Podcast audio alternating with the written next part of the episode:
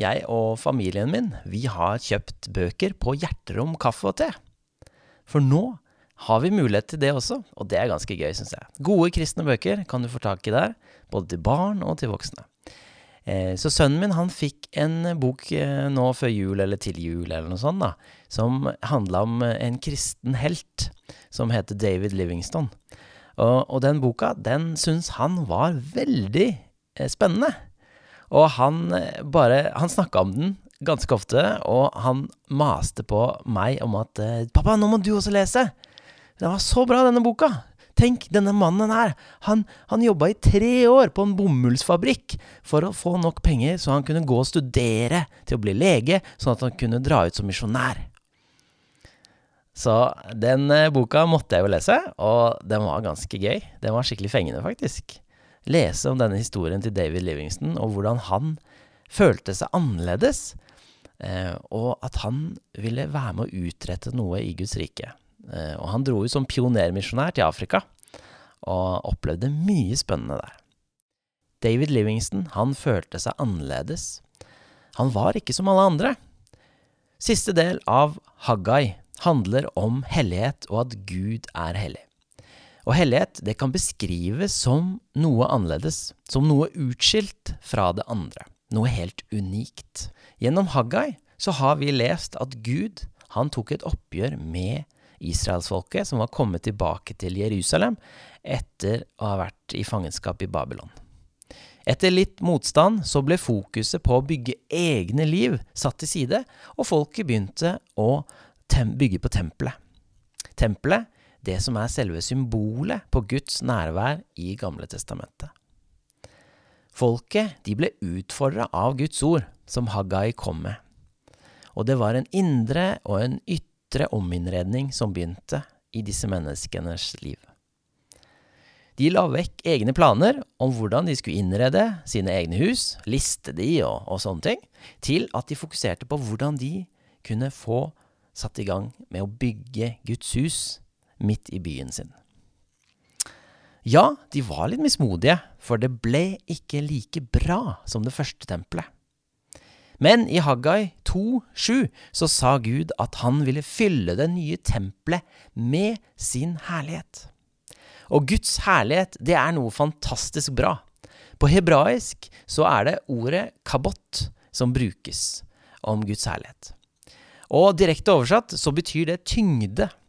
Guds tyngde skal fylle tempelet. I min og Sigrun Bjellås sin tale tidligere i denne serien om Haggai, så snakka vi begge to om at i, i dag, etter at Jesus kom, og etter at vi fikk Den hellige ånd, så er, ikke vi, så er ikke Gud avhengig av et fysisk tempel for å vise sitt nærvær på jorda. Men nå er Den hellige ånd gitt til alle oss som tror, sånn at den hellige ånd kan være til stede alle steder samtidig.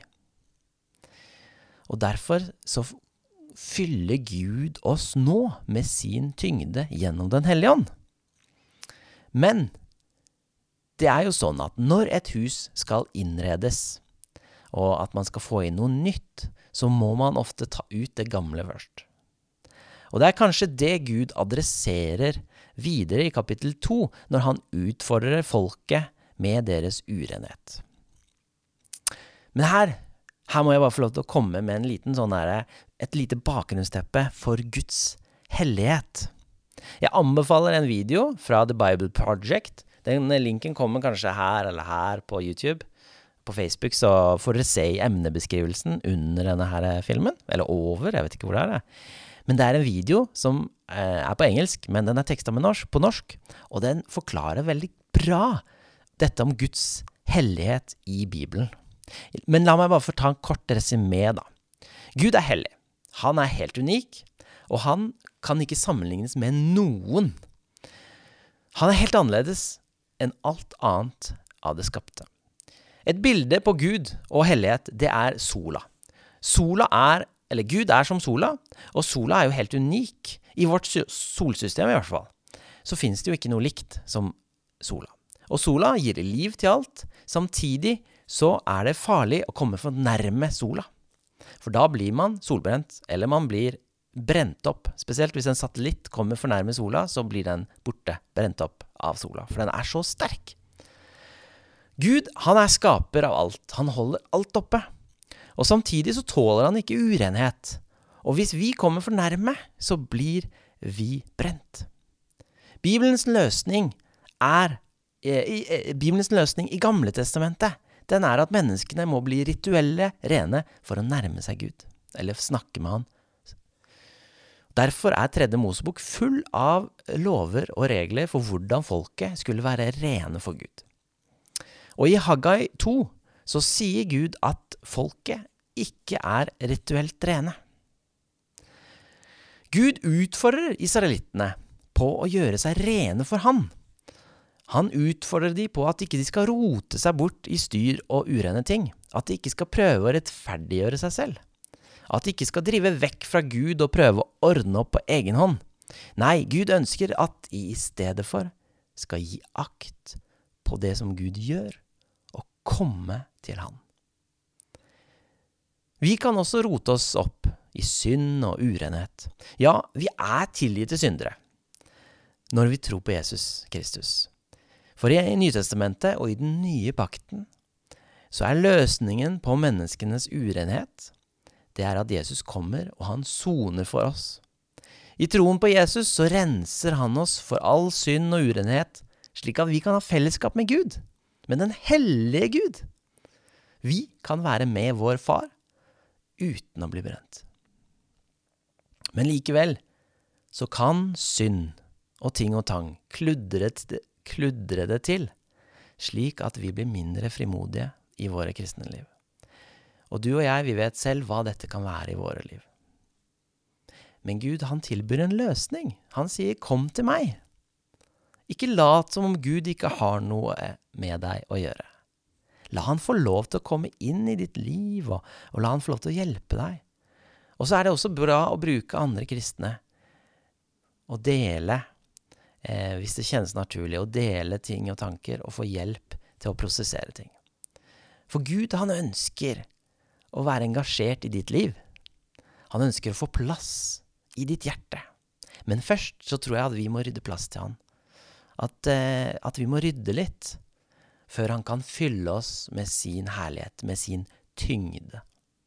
Denne tyngden som velsigner og som gir fred, en fred som overgår all forstand. I slutten av Haggai så peker Gud framover mot det som skal komme. Og det som skal komme, det er jo Frelseren. Det er Jesus Kristus. Stattholderen Serubabel, han blir løftet fram, og Gud sier at uh, han skal gjøre Serubabel til en signettring i sin plan. Og en signettring, det var noe som tilhørte en konge. Det var en ring som kongen hadde på hånda, som han brukte når han skulle stemple brev eller dokumenter for å vise at dette var ekte, at det var fra kongen. Serubabel blir også kalt tjener. Og i Gamletestamentet så er dette en tittel knyttet til Messias-profetiene.